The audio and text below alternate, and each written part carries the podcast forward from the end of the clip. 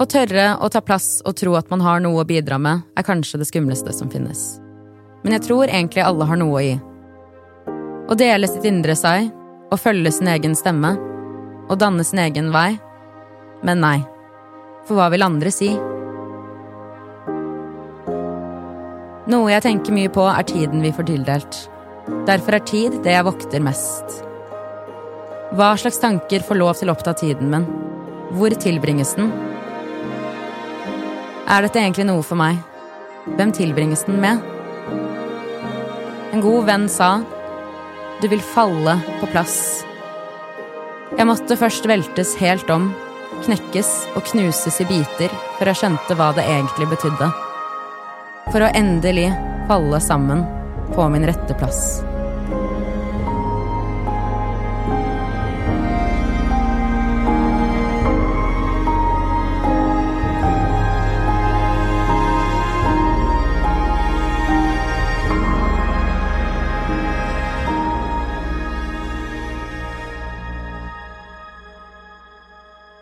Hvilke valg hadde du tatt om du visste du ikke kunne feile? Hvem hadde du vært? Vi hører mye om at vi må ut av komfortsonen. Men hvorfor er det så vanskelig å gjennomføre? Frykt vil alltid være til stede, men når vi lærer om hvordan vi skal møte den, så kan vi kanskje bevege oss forbi det som holder oss igjen, og komme nærmere den man egentlig vil være. Sammen er vi på hver vår vei for å oppnå nettopp dette. Dette er I frykten med MK og EXO. Jeg heter Suchil Vavik, er 30 Eller nei, jeg var 30 da vi begynte å spille inn i Frykten. Nå er jeg 31! Så jeg er 31 år gammel. eh, født i Houston, Texas. Delvis opp, opp, oppvokst der. Flyttet til Oslo. Og så oppvokst på Bygdøy. um, I dag så driver jeg et uh, medieproduksjonsselskap som heter Expandir. Uh, hvor vi på den ene siden produserer for andre kunder. Reklame, markedsføring, visuell kommunikasjon og branding og slikt. Og så er Expandir Studio. Det er det vi produserer selv, som for eksempel denne podkasten sammen med Flink pike. Eh, og hvor vi skaper innhold som skal fremme vekst. Jeg heter eh, Maria Katarina Tyssebotn Mikkelsen, eh, også kalt MK. Og mye annet rart, for å si det sånn. Men eh, jeg Nei, vent, vent litt. Jeg ble født i Bergen. Åsane. Ja da, hva det går i, kompis. Sjåmis. Eh, men så flyttet vi til Finnskogen når jeg var sånn syv-åtte år. Der eh, bodde jeg til jeg var 16, eh, før jeg begynte på videregående. Og i dag så driver jeg hos Arne, en kunst- og kulturscene på Beste Løkka. Arne er en uh, filosof og en fjellklatrer. Um, han har inspirert meg veldig mye med hans tanker og tekster, som sikkert du blir kjent med. Jeg er 33 år og bor i Oslo.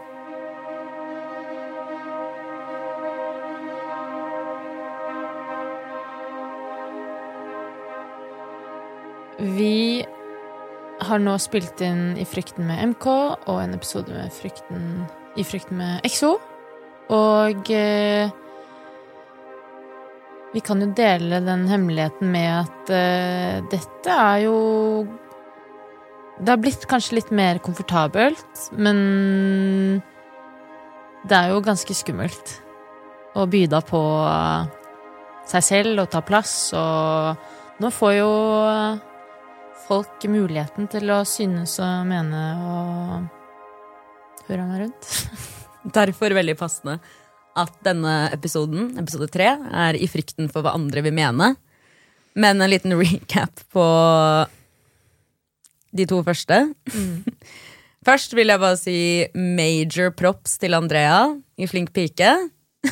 som Ja. har jobbet seg i hjel for å hjelpe oss å komme i mål med det. For det var eh, Det er stor props til eh, et team som er med, og spesielt Andrea, da, som har hjulpet oss å få det produktet, produktet i mål. Og kanskje også liksom til våre støttende venner eh, Ja. som har grillet oss. Eh, hvordan syns du det var? Og i forhold til da, spesielt denne frykten. Mm. Um, jeg Jeg to, Det tok litt tid før jeg delte den. Um, og det handlet kanskje litt om at jeg fryktet litt eh, for hva mine venner eh, skulle si. For jeg vet at de er ærlige og sier det de mener. Um, og så er det så sårt eh, produkt. Eh, det var Det er mye mer, og det blir liksom føles bedre og bedre. Så det føltes liksom ut som man liksom la hjertet sitt i Mm. hånda, så var det sånn Lar du det være, eller lar du det ligge der? Og så ble jo de helt satt ut, for vi har jo jobbet ganske mye med det. Jeg tror ikke de forventet eh, den resultat. kvaliteten og det resultatet.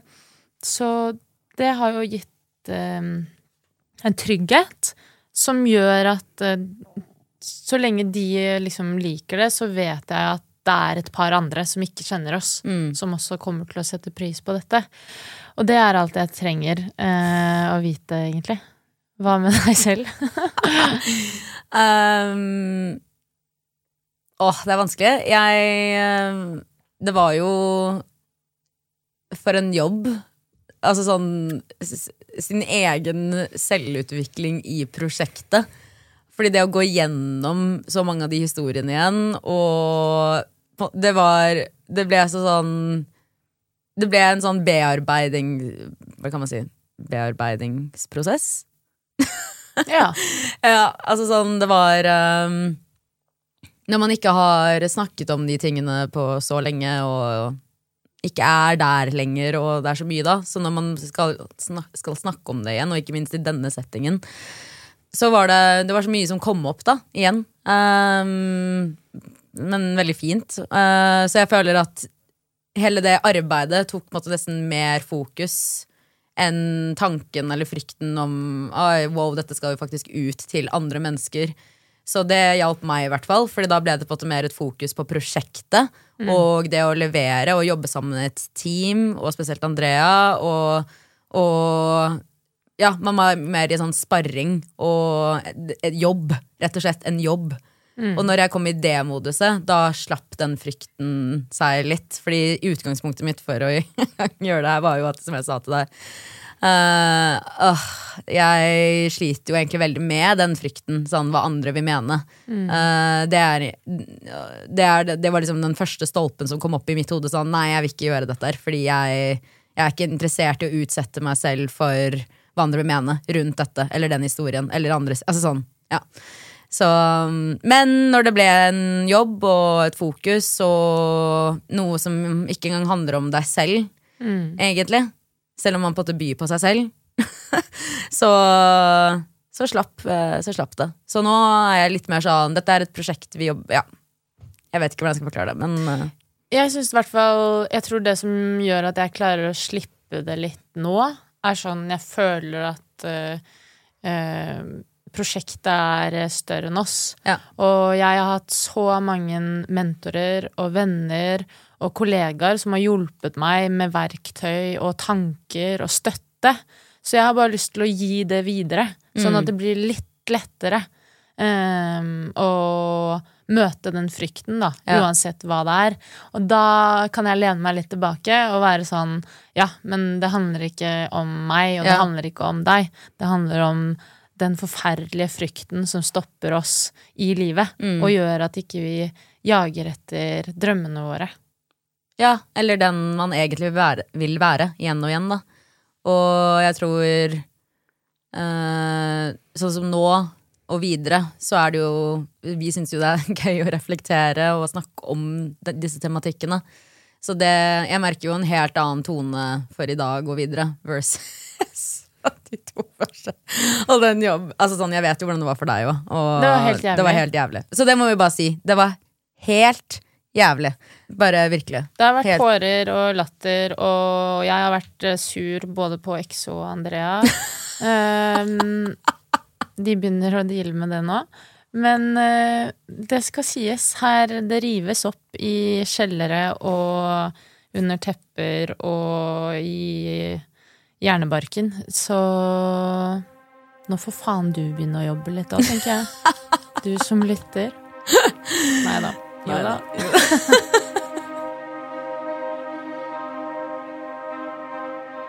Jeg er MK. Jeg er Rikso, og dette er I frykten.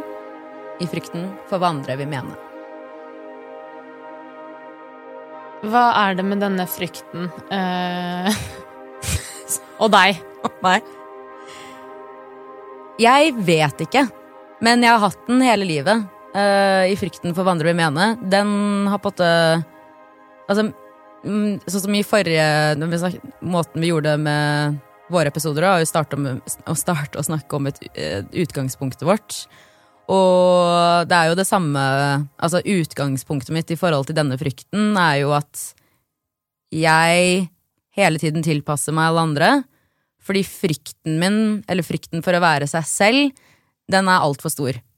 Så jeg er heller i den komfortsonen hvor jeg eh, lever, da, heller på den siden. Men nå snakker du i, i fortid og ikke nåtid. Ja. Eller driver du med dette? Ja, nei, men jeg syns jeg er mye bedre nå, så det er egentlig litt mer fortid. Jeg jobber jo fortsatt med det, men jeg har jo sluppet det. Altså sånn kanskje Jeg tror vi beveger oss et sted mellom 60 og 80% Så det er ganske bra.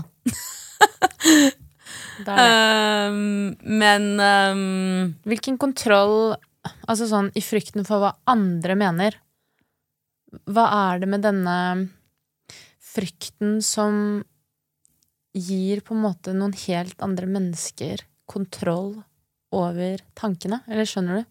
Jeg bare er nysgjerrig på den derre tingen der. Det er et godt spørsmål. Jeg tror, hvis jeg skal tenke tilba- altså, Jeg prøver å tenke sånn helt til starten, starten. Sånn, jeg kan, hvor jeg sånn husker å føle, føle Altså sånn kjenne på det. Og det er jo Altså sånn, jeg er typ fire år gammel. Uh, og, og kan føle, det, føle dette. Mm. Og jeg tror, jeg tror det egentlig er så enkelt som at det bare handler om flyttingen fra USA til Norge. Fordi er- da er utgangspunktet allerede at man på en måte du, du, du, du bare kjenner at du ikke passer inn, du ser ikke ut som de andre. Det er liksom så, så Og så tror jeg alt handler om veldig mye om hva du lærer fra tidlig alder. Sånn, hva lærte du gjennom foreldrene dine? Hva lærte du gjennom omgivelsene dine? Hva lærte du om deg selv fra skolen? Og så begynner du å tro på de tingene. Og derfor, så for min del, da, så bare lærte jeg så mye eh, feil om meg selv.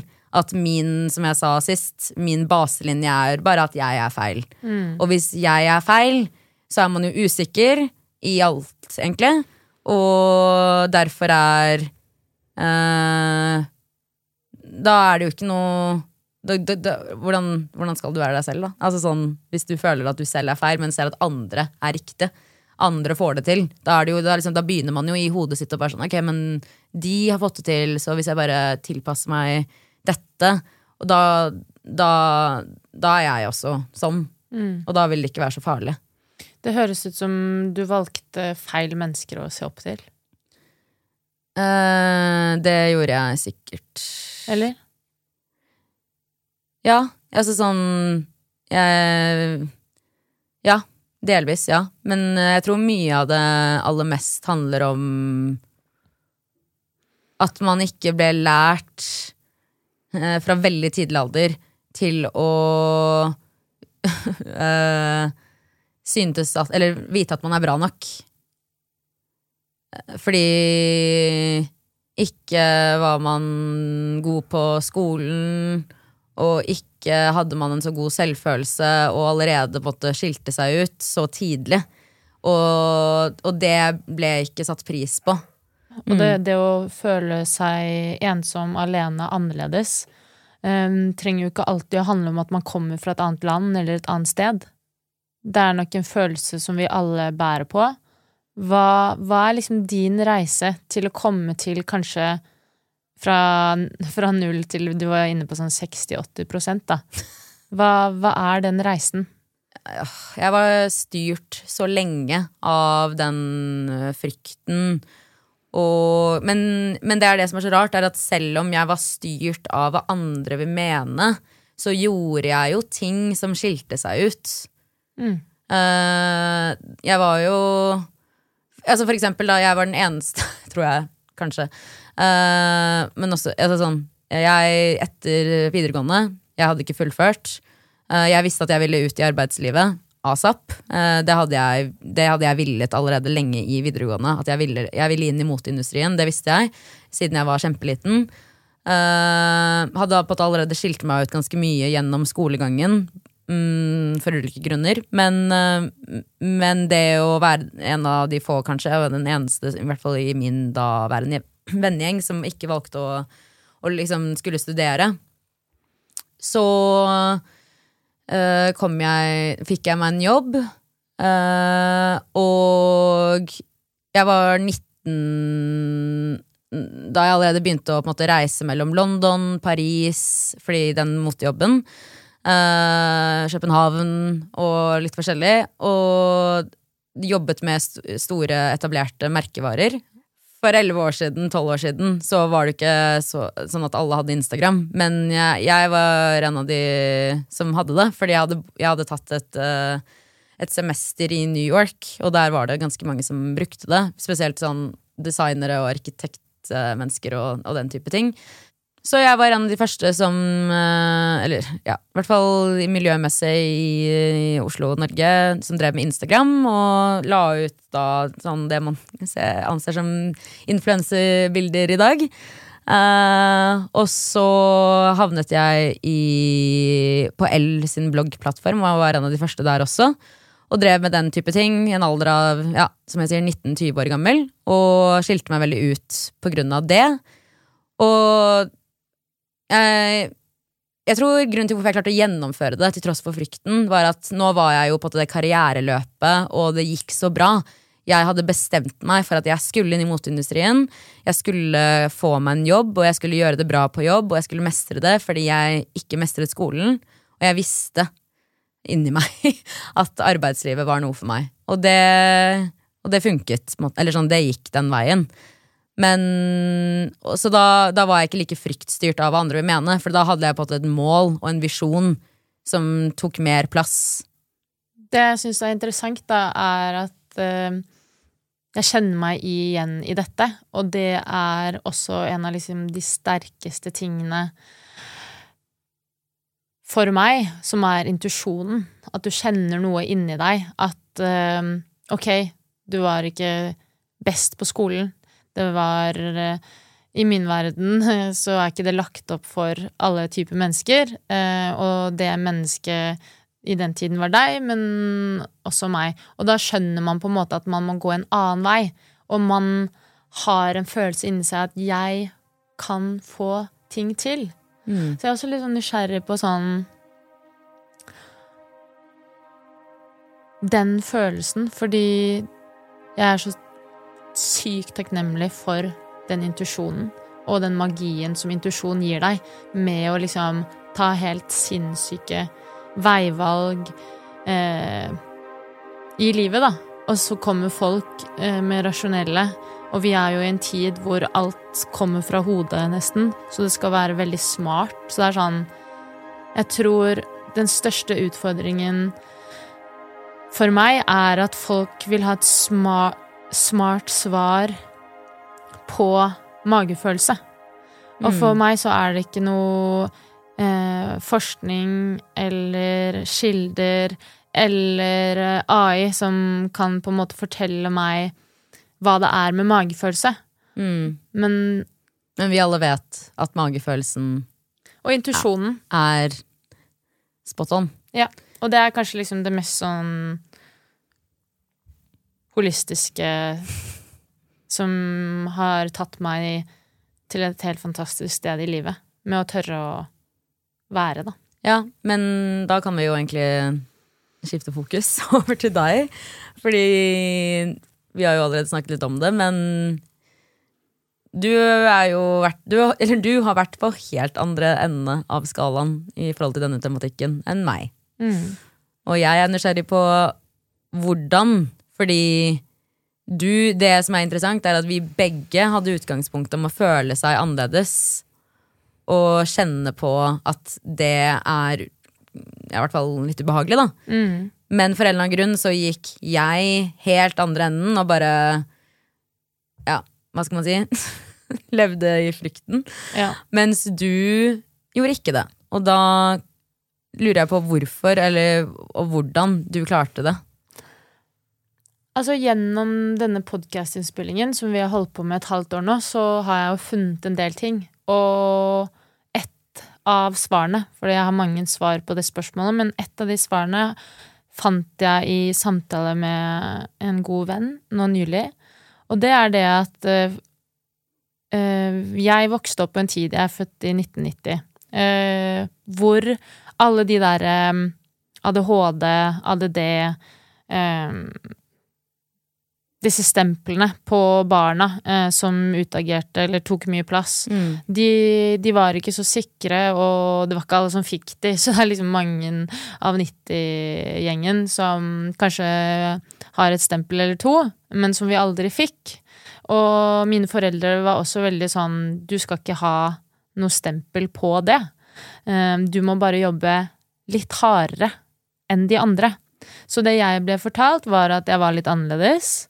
Um, la ikke så mye i det, og det er jeg så sykt takknemlig for uh, fra mor og far, at uh, du er litt annerledes, jobb litt hardere, og alt kommer til å gå bra. Og så fortsatte livet videre med å vite at jeg er annerledes, og det er helt cool, det er helt greit. Um, og det var liksom ikke noen dype tanker på hvorfor er jeg annerledes. Jeg kom fra Bergen og uh, flyttet derifra når jeg var syv-åtte år, over til uh, Finnskogen, til Østlandet. Så jeg snakket jo kjemperart for de som eh, bodde der. Derfor snakker jeg østlandsk i dag, sånn at de skulle forstå meg. Så det var liksom den veldig tydelige sånn Jeg snakker annerledes, jeg er fra et annet sted, og så um, måtte det forandres, og så forandrer man det, og så plutselig er man litt likere enn de andre. Men så har man liksom med seg hele den 'jeg er annerledes'. Så når du da kommer til ungdomsskolen, um, så er det også en slags trygghet å vite jeg er annerledes. Jeg går med andre klær, jeg tar andre valg, jeg bryr meg om andre ting. Mm. Så det er ikke, det er ikke et uromoment. Og det kanskje handler om hvordan foreldre presenterer det. For Mm. foreldrene mine presenterte ikke det som at det var noe feil med det. Mens jeg har venner som har fått et stempel eller to, Mm. hvor det er sånn Du er dette. Og så blir de sittende fast Ja. i den boksen. Men jeg fikk aldri en boks, så det er sånn det spillerommet og den friheten da, til å finne på hvem man er. Og når man er annerledes, så får du også et sånn maleri som du kan bare male hva som helst. Men hvis du plasserer noen inn i en boks, hvordan i all verden skal du finne deg selv når du liksom i en alder av barneskole og ungdomsskole blir plassert inn i en boks? Jeg tror Det er liksom hvorfor dette Å nei, nå ble jeg rørt.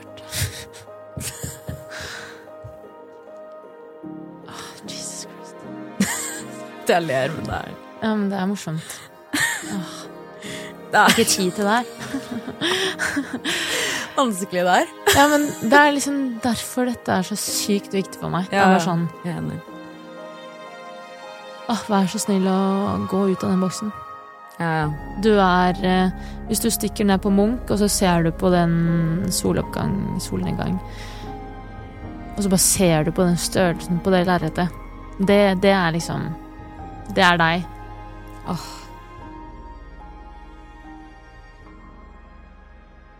Men der sa du det. Det å gå ut av boksen som du har blitt plassert i. Jeg tror veldig mange kan kjenne seg igjen i at omgivelsene dine setter et stempel på deg eller plasserer deg i en boks. Og derfor er det også Det er derfor måte, den, også den frykten er så til stede. Fordi eh, du vet hva andre måtte mener om deg. Eller sånn, du vet hva andre tenker om deg. Og, og, så vet du på innsiden at det ikke helt stemmer, eller at du er mer, eller at du, du vil noe annet. Det, det, er bare et stempel, enkelt og greit. Og der kjenner jeg meg i hvert fall veldig igjen i, fordi jeg husker da jeg skulle ut av Monte, og da starte helt på nytt uh, og gjøre helt andre ting, så husker jeg spesielt godt at jeg la ut en post på Instagram. Uh, jeg, elsker, jeg, elsker, å skrive, skrive og så la jeg ut en post hvor jeg skrev om et eller annet som skjedde Det var et eller annet sånn om flyktninger, eh, og ikke minst valget i USA. Og så skrev jeg en tekst som jeg eh, Og det var første gangen jeg på at skulle poste noe sånt. da Og da hadde jeg, altså, For å gi et bilde, da inntil det punktet så hadde jeg typ bare postet det man da kan se som influenserbilder og mote, altså stil og, og den type ting. Um, og nå hadde jeg slettet alt det, og så postet jeg det, Og så gikk det noen måneder, vel, og så postet jeg det, og så var jeg sånn Wow! Jeg husker den angsten, da. Som kom. Fordi da, da, da, var jeg jo på en måte i alle andres øyne Gåstein eh, en motejente. Så hvorfor skulle jeg plutselig ha noe å si om noe annet? Og jeg husker så godt å dra på F6 en bar på Frogner uh, den uken. Uh, og så møtte jeg en i, i det miljøet, på en måte. Og, og så sa personen til meg sånn Du, hva var den posten du postet der om dagen? Var det du som skrev det? og det og Jeg husker jeg bare tenkte sånn Jeg bare så på vedkommende og var sånn Ja. Oh, wow. Selvfølgelig skrev jeg det. Han, hadde, han hun hadde null forventninger til det. Og så bare sånn, Det var litt rart. Og jeg, eller sånn, Hvorfor gjorde du det? Så var jeg sånn, nei, fordi jeg følte for det. Jeg bryr meg om den tematikken. Og personen bare syntes det var helt uh, Og jeg bare, jeg glemmer det aldri, da. Og da husker jeg at jeg var sånn Ja, hva andre mener? hva gjorde du med den følelsen? Det var veldig Det var, det var mye altså, som foregikk. Jeg, var, jeg, jeg, ble frustrert og irritert, og ikke minst enda mer sånn ah, Dette er hvorfor jeg ikke liker den plattformen her. Dette er hvorfor jeg er så skuffet over meg selv i forhold til hvordan jeg har presentert meg selv.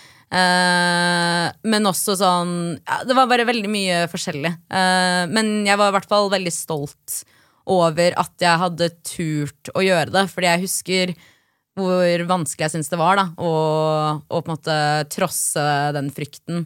Og jeg, jeg, visste inni meg at det var sånn Det var en helomvending, og det kunne merkes. Um, så ja. Hva med deg? Jeg har jo alltid tatt uh, jævlig mye plass.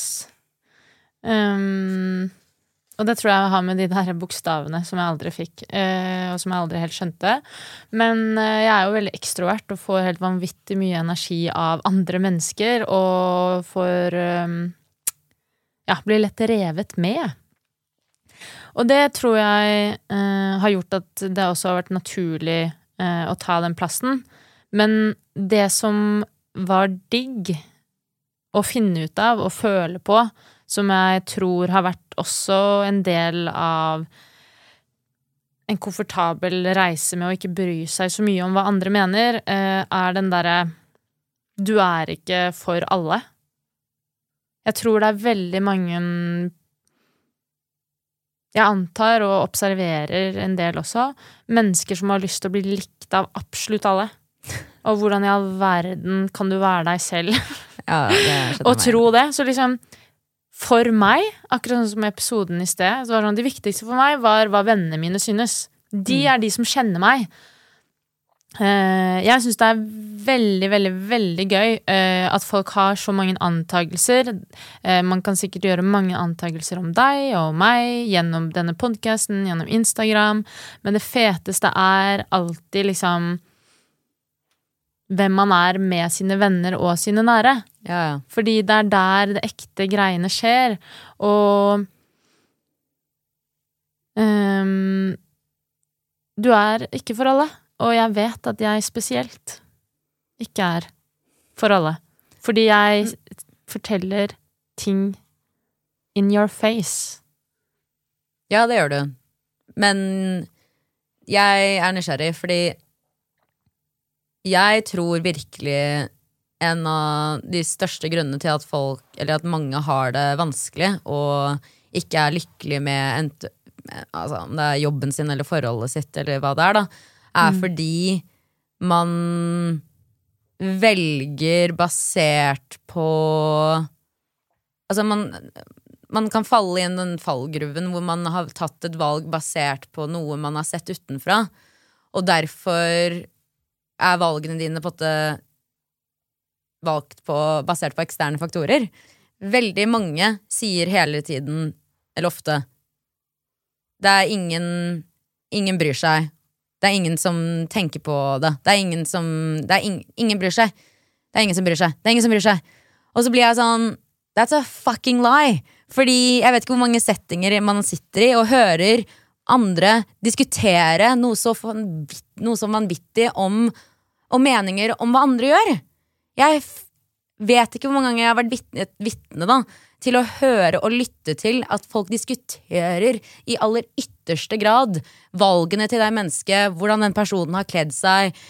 Altså bare sånn, den jobb Og da sitter jeg alltid inni meg og er sånn Det er så interessant hvor, hvor mange da som sier sånn Ja, men det er ingen som bryr seg. Det er bare du som bryr deg. Det er ingen som bryr seg, men det er bare du som bryr deg. Og da blir jeg sånn Really? But is it though? Og det, og det syns jeg er interessant, fordi ja, jeg er enig i konseptet at in, in the end of the day så er det ingen som bryr seg. Det er ingen som bryr seg om oss. Det sånn. Og det er veldig fint å tenke på. Men hvordan kan man forminske på en eller annen måte? Man, er det noe man kan gjøre? Er det noe man kan skape som gjør at fol folk ikke syns det er så interessant å diskutere hva andre gjør? Sånn at den frykten her også At man kan ha en sånn tillit til at uh, Det er ikke interessant. Gir det Jeg, her mening? ja, jeg tenker i hvert fall at uh, Jeg tror det er mange som frykter at du skal uh, møte dine frykter og, og finne deg selv og leve ditt beste liv. Og i ditt beste liv så mener jeg med å faktisk leve et liv som er designet for hvem du er som menneske. Eh, fordi da får de lov til å observere det, og de blir konfrontert med det, og må gjøre noe med det. Og det er skummelt. Fordi man, da er vi tilbake der vi har vært det før, for det er så fint og komfortabelt der man er. Så det er jo veldig skummelt om noen skal gå utenfor den verden som noen har sagt dette er hvordan vi har konstruert samfunnet. Det er veldig fint om du holder deg innenfor den, disse rammene. Og eh, det er jo også noe makt der. Den største makten man kan ha, mener jeg, da, er jo å ha det bra. Ja, ja. Hun, altså, det å frigjøre seg selv fra frykten for hva andre vil mene, eh, det er eh, Det er lykke, rett og slett. Fordi da kan du på en måte bare velge å operere fra et ståsted hvor du gjør det som føles rett for deg selv. Men jeg vil så gjerne komme til bunns i roten. Altså, hva skal til? Og da begynte jeg å tenke på hva mine verktøy har vært, fordi jeg delvis fortsatt, delvis fortsatt sliter litt med det, men jeg, men jeg syns jeg har kommet ganske langt. Um, men du som på en måte har vært mer på den andre enden, hva Hva tenker du? Hva, hva, hva er det første man må definere for seg selv, kanskje? Det er jo den refleksjonen, da, om hvem er jeg? Hvem har jeg lyst til å være? hva har jeg lyst til å oppnå? Hva vil jeg jobbe for? Fordi Sånn som jeg har Ok, jeg har en historie Jeg får ta den. Greit. Men på ungdomsskolen mm, så hadde jeg og en annen samme bestevenninne. Denne personen um, slet veldig mye um, med øh, det ene og det andre, um, som man gjør på ungdomsskolen. Og hun begynte å bli veldig stygg med meg, mildt sagt. Og hun best, Vi hadde jo felles bestevenninne. Hun ble jo veldig dratt liksom mellom oss, og så tenkte jeg sånn Her taper vi alle sammen. Denne personen er Liker ikke at vi er venner, så la meg liksom gjøre det lett for oss alle. Så jeg gikk til min beste venninne og var sånn Vi kan ikke være venner akkurat nå. Denne personen trenger deg, og jeg klarer meg selv. Jeg har det fint. Og da var det liksom basert på Altså, det var jo ikke noe gøy for meg å være i den situasjonen, så det handlet liksom At jeg visste at nå er jeg jævla game, og om en stund så vil også min beste venninne komme tilbake til meg. Fordi akkurat her så må det egentlig hun som må ta et valg, fordi et menneske er stygt med et annet menneske. Men jeg velger å liksom sette en tydelig grense for meg selv, at dette finner jeg ikke meg i. Um, men hvis jeg hadde liksom blitt der, så hadde jeg jo brydd meg på en måte om hva mm. min bestevenninne mente, eller hva den andre personen mente, og om at liksom jeg tapte, at jeg trakk meg unna, at bla, bla, bla, bla, bla.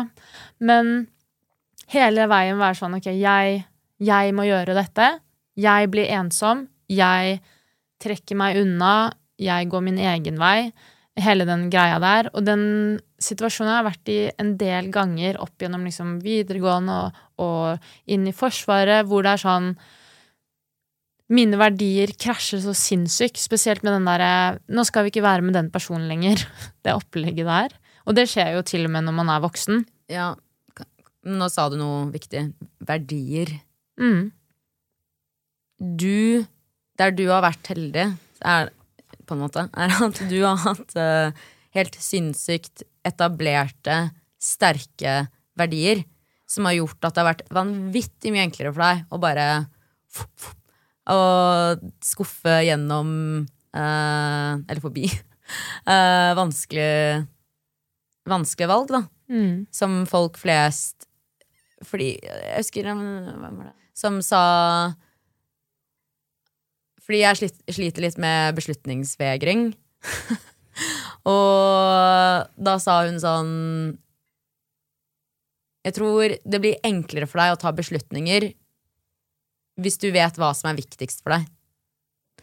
Og jeg tenker at i forhold til denne frykten her hvis du klarer å definere For å gjøre det litt enklere. Hvis mm. du klarer veldig enkelt å definere hva er viktigst for deg nå det neste året, mm. eller tre, eller ti, sånn som meg.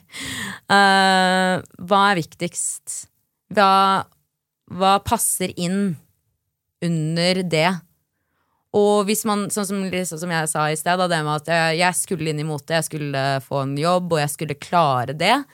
Da ble det viktigst. Derfor liksom forsvant litt den frykten. Den er mm. der. Så jeg tror det er bare noe med å, å, å, å definere eh, om det er en verdi eller et prinsipp eller noe som på en måte bare er sånn I år er dette viktigst for meg. 100% men også for meg så er det den derre tenke selv. Den herre sangen 'Tenke sjæl Den er ikke noe tull med den sangen der. Den er drittseriøs. Det er sånn Tenk for deg selv.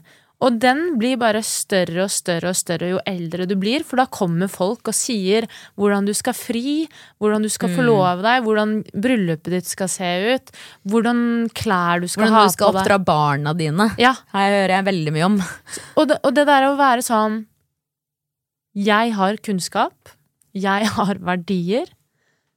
Ja, jeg kan lytte til andre. Men jeg, det er bare jeg som vet hvor jeg skal, og hva jeg vil. Det er ingen andre som skjønner hva som foregår oppi her. Så det der å ha tillit til seg selv, da.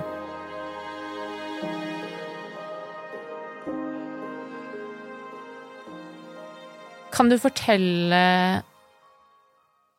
om en hendelse eh, hvor denne frykten for hva andre vil mene, var størst for deg? Ja. Eh, den skiller seg veldig ut. Fordi det var da jeg og Benedicte skulle lansere Expandir. Eh, sånn på sosiale medier. Eh, og da skrev fordi jeg liker å skrive, som sagt, så skrev jeg en tekst som var egentlig bare for min egen del. Og så var jeg sånn Hm, hvorfor ikke poste denne teksten sammen med og, Fordi, som jeg fortalte om i forrige episode, jeg, jeg stiftet jo selskapet ut av den, den mørke kjelleren, basically. Og da, tenkte, da hadde man jo skrevet mye og tenkt mye og reflektert mye, og så var jeg sånn Kanskje jeg skal dele litt av dette, og hvorfor jeg starter Expandir, og hvorfor det ikke minst heter Expandir, som betyr eh, expand på spansk. Eh, og så var det en, en tekst om ja, deler av reisen, kan man si, men ja, ganske personlig. Uh, og så hadde jeg jo selvfølgelig nerver altså Man har jo nerver for å lansere Man har nerver for å til og med poste noe på Instagram. Føler jeg, i hvert fall. Eller sånn, jeg vet ikke. Nei. Kanskje normale mennesker. Men jeg gjør det i hvert fall. Og, og jeg var jo veldig stolt og fornøyd med å ha kommet så langt at eh, nå skulle man gjøre dette. Men så Det var sånn typisk øyeblikk hvor jeg på en måte ikke hadde helt uh, liksom revurdert Eller skjønt mine egne grenser. Mm. Så jeg skriver den teksten, jeg poster det, og jeg Altså, jeg blir Det var så emosjonelt krevende at jeg blir så utslitt at jeg, jeg det, det, det bare Det svartner for meg. Det er sånn, Jeg går i en, et sånt modus hvor jeg, jeg blir så tung og, og sliter sånn med For jeg har jo over Altså overshared. Jeg har overlevert. Jeg har øh, har gjort noe jeg absolutt ikke ville gjort i dag hvis jeg hvis jeg hadde tenkt meg om. Ikke fordi jeg har noe skam rundt, eller noe, men det var bare sånn typisk eksempel på når man går langt forbi sin egen terskel, da, eller ikke har satt en grense for seg selv, eller funnet ut helt hva man er bekvem med å dele. Og det burde matche der du er i reisen. I dag ville det kanskje sett litt annerledes ut. Den gang da ikke helt optimalt. Eh, så jeg har arkivert den posten bare fordi jeg ønsker ikke at det, det jeg skrev, skal være offentlig. Det må vi få lov til å se.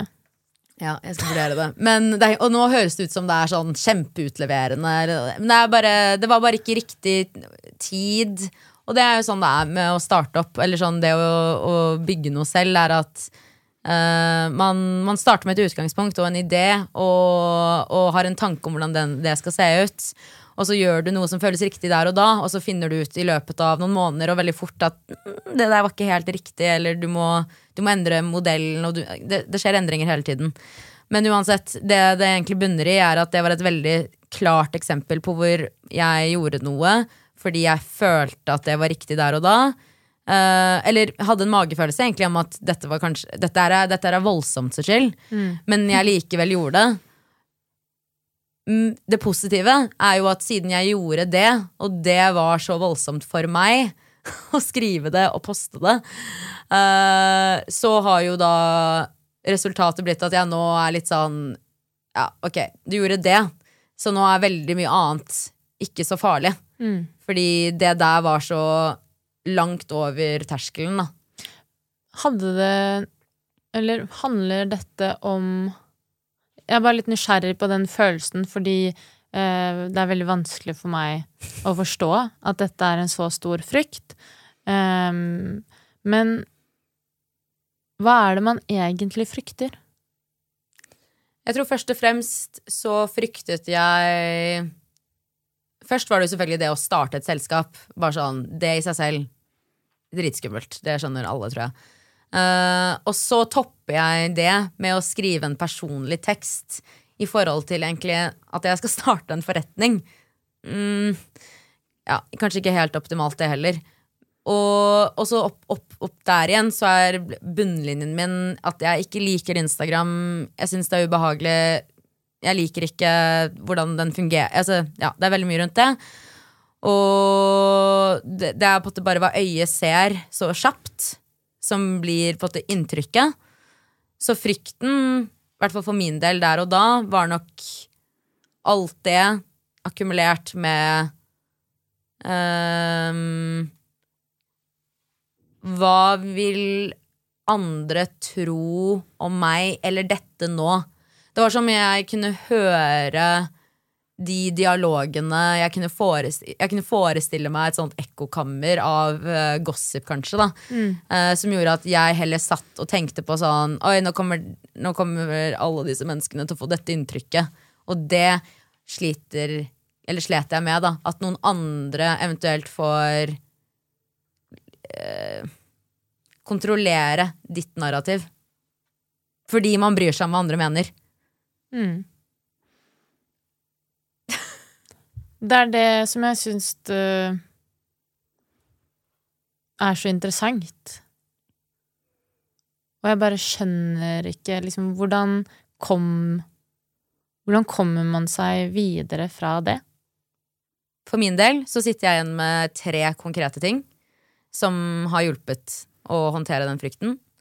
Den første er for meg i hvert fall vært den viktigste og den som har hjulpet aller mest. Og det var da jeg var i den kjelleren mm. og kom over en post på Pinterest som, eh, hvor det sto 'Choose your hard'.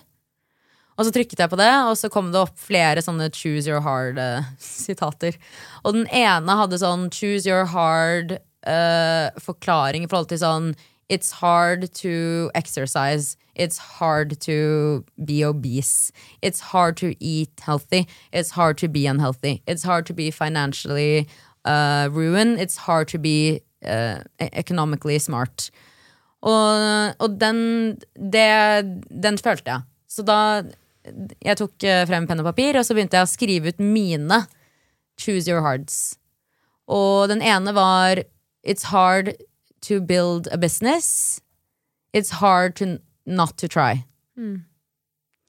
Og for meg var det da veldig tydelig å være sånn det er, det er, så jævlig vanskelig å gjøre dette, men det er faktisk vanskeligere for meg å ikke prøve. Og da jeg kunne definere det så tydelig, så var det bare sånn Dette er vanskelig uansett. Det er vanskelig å stå opp hver morgen og trene. Det er vanskelig hver morgen jeg ikke gjør det. Fordi jeg vet hvilken følelse det gir meg resten av dagen. Begge er vanskelige. Det er vanskelig å stille opp for seg selv hver eneste dag. Uh, men, men hvis, du, hvis, du, for deg selv klarer å definere at du syns at liksom, ok, det er vanskelig å, å, bry seg om hva andre mener, men det er jævlig mye vanskeligere for meg å ikke gjøre det jeg egentlig vil. Mm. Så da ble det viktigere ja. og større. Nettopp. Mm. Og da er det litt enklere å bare gønne. Og så var det nummer to. Uh, og det, det, er jo relativt nylig, det var i fjor, tror jeg. Og det var å begynne å arbeide med selvverd og selvtillit. Um, og da så jeg på en TED-talk som handlet om akkurat de forskjellene. Selvverd versus selvtillit. Uh, og så var det en setning, og det var What would you stop doing if you knew you were already worthy? What would you stop doing?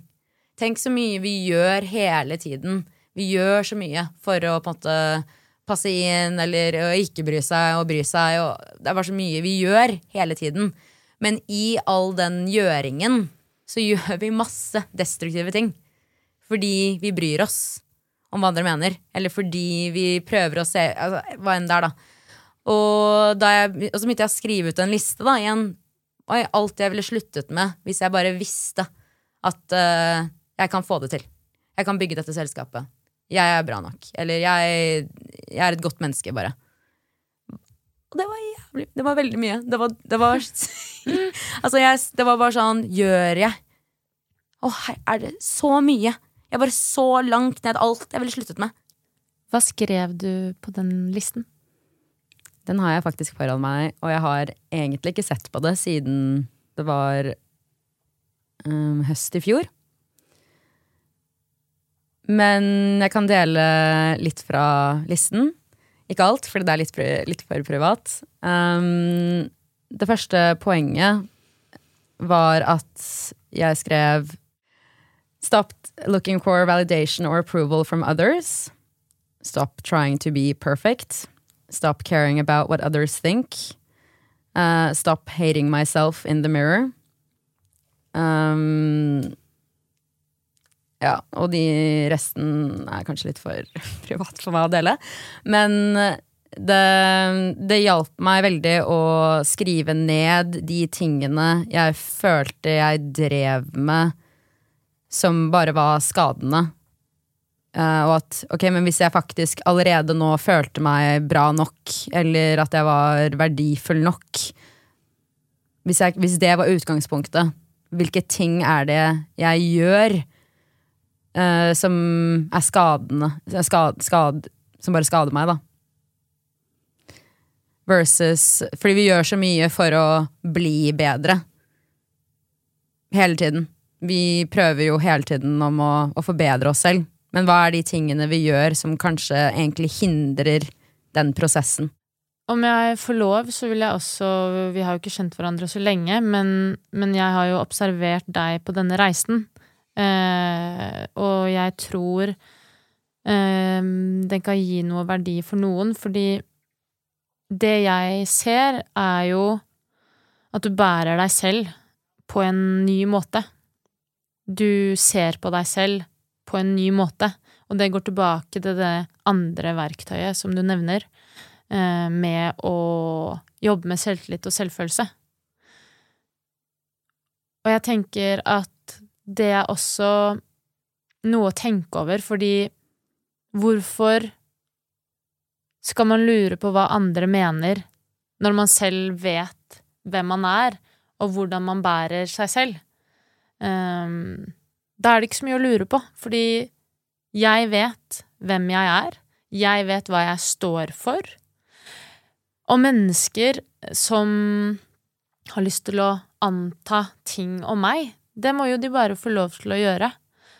Men jeg har jo mest lyst å møte de menneskene som er åpen, nysgjerrig, rar, merkelig, autentisk, mye, lite Fordi det er jo de menneskene som er de vakreste i mitt liv akkurat nå. Vi mm. har jo funnet hverandre på vår reise fordi vi er den vi er.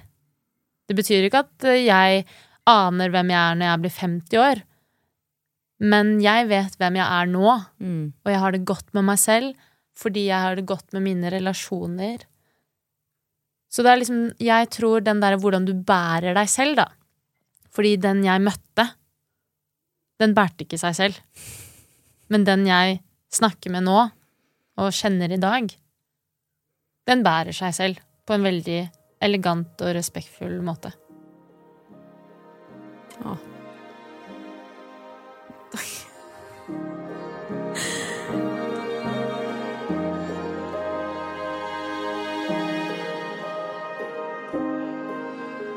Du som alltid har vært med fryktløs i forhold til den, den, denne tematikken. Hvis du skulle dratt frem én ting frem til nå som har vært det viktigste og det sterkeste, hva ville det vært? Jeg tror um,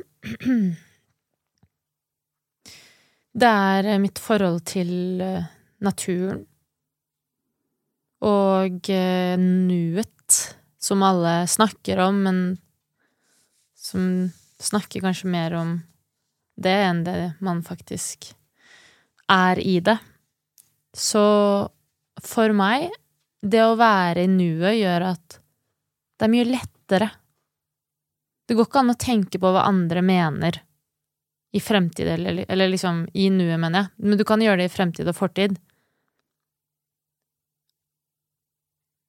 Det er ekstremt deilig å bare slippe den tanken.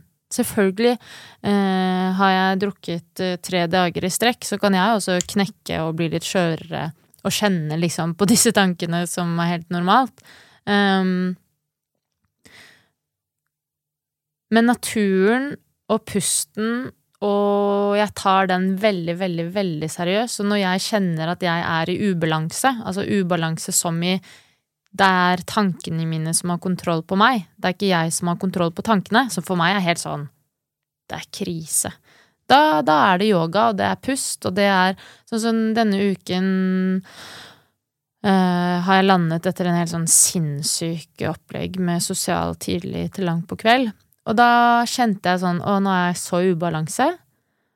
Og da syklet jeg ut til Bygdøy og landet. I pusten og tilstedeværelsen. Være i liksom vannet med trærne og bare gå igjennom. Det er ikke liksom Trenger ikke å dra langt inn i marka eller langt opp uh, i nord.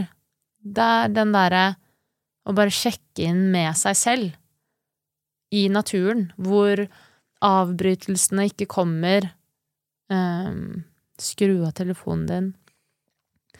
Um, mm. Tilstedeværelse. Fordi da tenker du min eh, Så det du prøver å si, er at hvis man er så til stede som overhodet mulig, så minimerer man tankene om hva andre vil tenke eller mene. Mm, da føler jeg at det handler om andre når man sier det på den måten. Men det er vel ikke fremmed for folk nå at det å meditere og puste er godt for deg. Og det handler jo om psyken din. Jeg syns egentlig du sa det best i forhold til det med å få kontroll på tankene dine. Mm. At ikke tankene dine skal kontrollere deg. Hva Er det noe annet som du føler Det som er greia, da, som henger sammen med å være til stede, eh, om det er eh, gjennom trening eller pust eller en gåtur, så handler det om å bevege seg eh, fra hodet og ned i kroppen, og, å være i kontakt med hele deg. Du er ikke bare ditt hode, du har en hel kropp som du må ta vare på, og som du må sjekke inn med.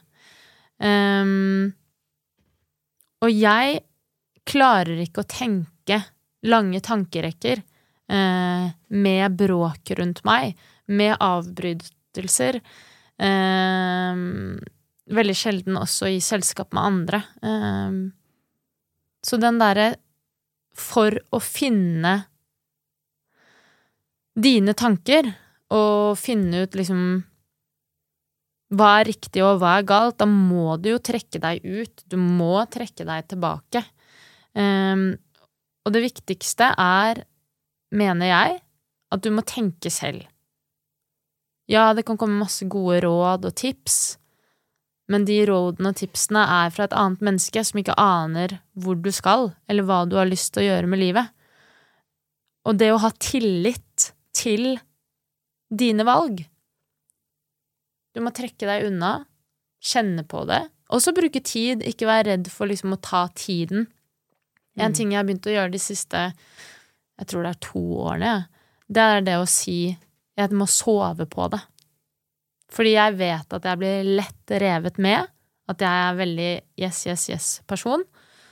Og det å liksom sove på det, våkne opp og være sånn ha, i stillhet, du har hatt en god natts søvn, det fins liksom ikke bedre tid å tenke og liksom lande i seg selv. Har jeg lyst til dette?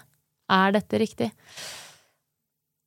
Ingen har fått lov til å trenge seg inn og påvirke liksom deg og dine valg, da.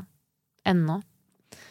Så det å ha tillit til seg selv, og det å skjønne at det er ingen andre som uh, vet hvor du skal. Mm. Den kjenner jeg meg igjen i.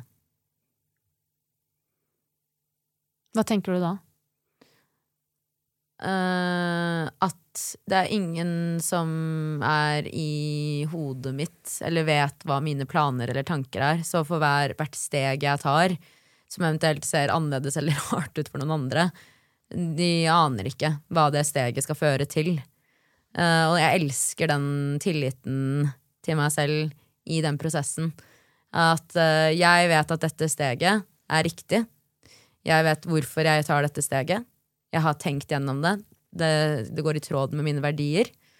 Um, elsker konseptet å jobbe i stillhet og la jobben snakke for seg selv.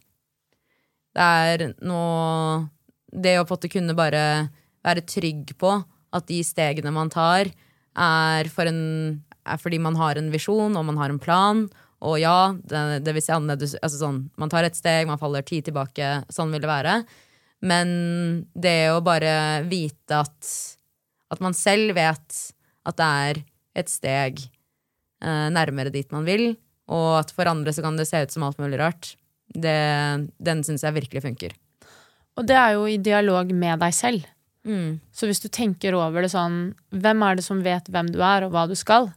Jo, det er deg selv. Ok, Ja. men da må du ha en dialog med deg selv. Mm. Da må du jo stille deg selv de spørsmålene du stiller de du er glad i. Ja. Men har du det bra? Hva er det du vil? Elsker du han, henne, na-na-na-na? Og så bare sånn helt, helt Det er sånn Den største gaven jeg har fått i år.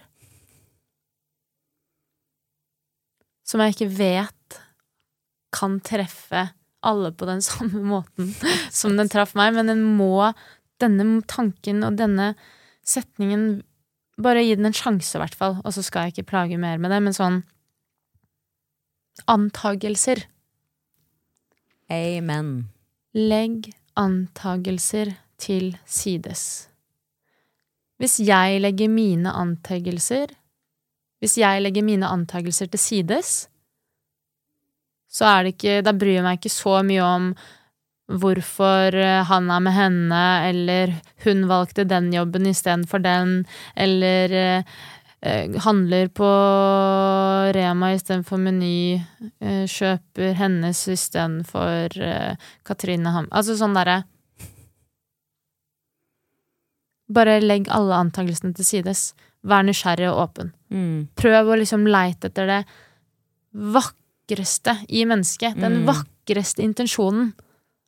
Å ta seg selv i den tankerekken hvis den går i en negativ bane, og bare automatisk ta den tilbake og være sånn Jeg elsker uh, Hvis man på en måte kan ta seg selv og bare Nå, det var en, det var en antakelse.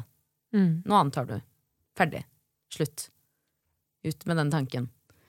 Uh, og jo mer man gjør det, og trener opp den, uh, jo mindre antakelser, ha, ha, antakelser, har man, og jo mindre man, en, man tenker på en gang andre. Eller at andre tenker på deg. Mm. Og det, det er effektivt.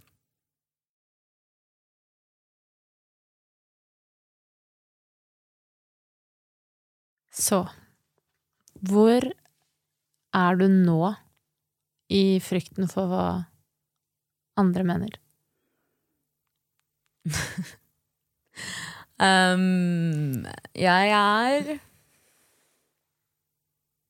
Som jeg sa, kanskje 60-80 prosent. Eh, mo, mot at uh, Eller mot å ikke tenke så mye på det. Um, jeg tenker veldig mye på denne podkasten og hvordan det eventuelt vil treffe, og hva man andre vil tenke om det. Men jeg, men jeg lander jo på en sånn Det føles riktig. Det er i tråd med mine verdier. Um, jeg har tillit til prosjektet, de vi jobber med, og selv. Um, det er utfordrende. Det jeg har merket aller mest, er hvor utfordre, utfordrende det er. Uh, og jeg elsker å utfordre meg selv, og den veksten. Så jeg vil si at med en gang jeg opplever det, så er det veldig lite frykt til stede i forhold til hva andre vil mene. Hva med deg? Nei, jeg vil egentlig bare legge på at uh, der din frykt er, da, eller min, eller hennes eller hans, det er din neste oppgave. Det er din Det er det neste du skal gjøre. På din to do-liste. Let's go. Nå lanserer vi. Ja.